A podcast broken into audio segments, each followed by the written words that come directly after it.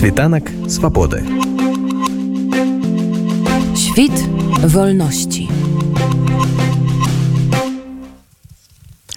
5 гадзін і 13 хвілін зараз на гадзінніках у варшаве мы працягваем беларускую інфармацыйную праграму світанак свабоды у ранішнім эфіры радыёны тэлемікрафона зноў Андрусь гаёвы. 14 снежня прадстаўнікі праваабарончай арганізацыі фры Беларусь цэнтр палка каліноўскага і кіберпартызанаў абмеркавалі ў Киеве запаўнаважаным верховнай рады ў правах чалавека Дмітром лубенцом і дзесяццю народнымі дэпутатамі пытанні легалізацыі беларусаў ва ўкраіне ды іншыя праблемы праблемныя аспекты. Супрацоўніца фры беларусь цэнтра праваабаронца анісія казлюк распавяла падрабязнасці сустрэчы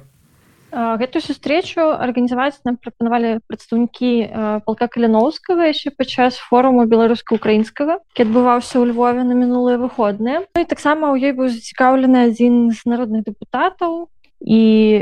ўжо ў панядзелак нам сказалі што сустрэча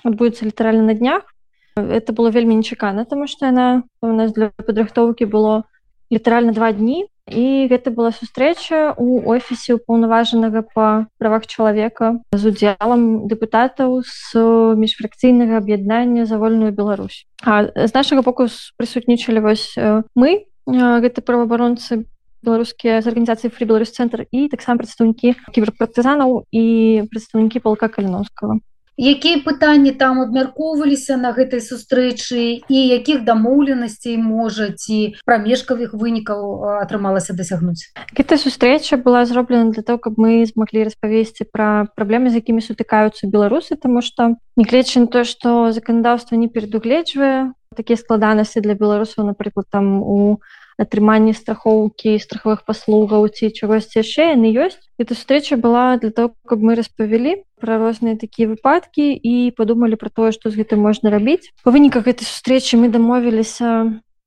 працаваць сумесна то бок мы будзем рыхтаваць для дэпутатаў і для офісу паўнаважанага індывідуальныя звароты. Мы зробім моніторинг заканадаўства і робім да іх зварот з тым якія нормы у украінскай праве існуюць але не працуюць стасоўна беларусаў не існуе якія нам патрэбны для того каб беларусы маглі нармальна ужывацца в украінскім грамадстве. Тому что напрыклад у беларусаў пачынаюць скончвацца пашпарты. І як бы калі скончваецца пашпарт чалавек ну, бы па сутнасці перастае быць часткай дзяржавы яму недаступныя розныя функцыі. І вось што думаць гэтым мы яшчэ будзем разам Я так разумею что вось гэтая работа і моніторинг заканадаўства і падрыхтоўка адпаведных справаздачаў гэтай працай будзе займацца фры беларусь цэнтр правильно так на сустрэчы мы разам вось прадстаўнікамі палка прысутнічалі ніякіх адвакаты гэта былі роўныя суб'екты мы кожны прадстаўлялі свае праблемы. Хоць мы і займаемся таксама сітуацыяй з правамі добравольцаў добраахвотнікаў але ўсё ж таки у палка як бы як у суб'ект які гэта больш там так разумею это все больш нутры іх конечно ёсць і свае складанасці з якімі яны сутыкаюць бок у іх зараз у палоне знаходзяцца двое іх байцоў і яны абмяркоўвалі якія магчымыя варыянты для іх абмену А мы ўжо свайго боку абмяркоўвалі тое што напрыклад там статус добраахвотнікаў не до конца ўрэгуляваны тое што у там беларускія добраахвотнікі да таго моманту пакуль іх ёсць контракт яны абароненыя украінскай дзяржавы як толькі яны закрываюць контракты вырашаюць сыходзіць з войска яны просто застаюцца нелегаламі на тэрыторыі чужой краіны ці дамовіліся вы аб нейкай наступнай сустрэчы ці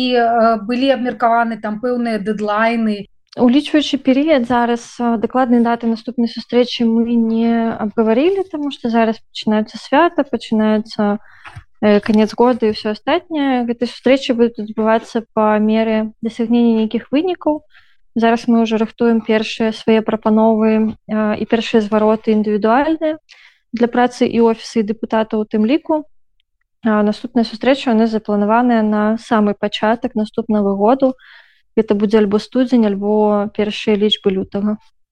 колькі зараз беларусаў ва ўкраіне ну пры намсе па тых лічбах што ёсць у вас? На вялікі жаль мы не ведаем колькі зараз беларусаў засталося в украіне. Вельмі бачна заўважна тое што дыаспоры скараціліся Таму што там у адзесе была моцная вялікая дыаспара, але засталося некалькі дзясяткаў чалавек у Львове тое самае. І на жаль, не мы не прадстаўнікі украінскай дзяржавы пакуль што не могуць нам называць лічбу беларусаў, якія засталіся в Украіне. А што датычна вось менавіта звароту праблемы з якімі сутыкаюцца беларусы яны як бы ва ўсіх аднолькавыя гэта не залежыць ад таго актывісты ці не. Сітуацыя з міграцыйнай службай гэта сітуацыя з, з пераходам дзяржаўных межаў там з тым што дакументы пачынаюць скончвацца ці там паслугі натарыяльныя адмаўляюцца аказваць украінскія натарыусы і гэтак далей Таму датычыцца можа кожнага да нас звяртаюцца зона людзі з разнымі абсалютна рознымі праблемамі Ну і усіх мы комплексна вось зараз будемм спрабаваць вырашаць тому что это пытанне права прымяняльнай практыкі а не заканадаўчых нейкіх абмежаванняў ці абмяркоўвалі вы на гэтай сустрэчы альбо ці маеце ў планах абмяркоўваць магчымасць атрымання беларусамі ва ўкраіне абароны і атрымання статусу уцікача напрыклад? Конечно абмяркоўвалі тому что украина як бы брала на себе міжнародныя абавязальніцтвы аб тым каб паказваць так атрыманне міжнароднай обороны. І мы гэта абмяркоўвалі тому что спачат актыўных фазаваных дзеянняў так апынулася что гэтай працэдуры былі так негалосна замарожаны і мы разумеем что это працэдура неабходная тому что есть людзі якія там уже больш за два гады гэтай працэдуры чакаюць на рашэнне прынятае пойм это значит что гэты два гады яны не могуць пакідаць украіну а зараз гэта ну, стратэгічна важно тому что ўсё ж таки адбываюцца вайсковыя дзеянні людзям трэба выязджаць эвакуявацца мець магчымасць увогуле быць не прывязанымі да адной краіны мець магчымасць ездзіць кудысьці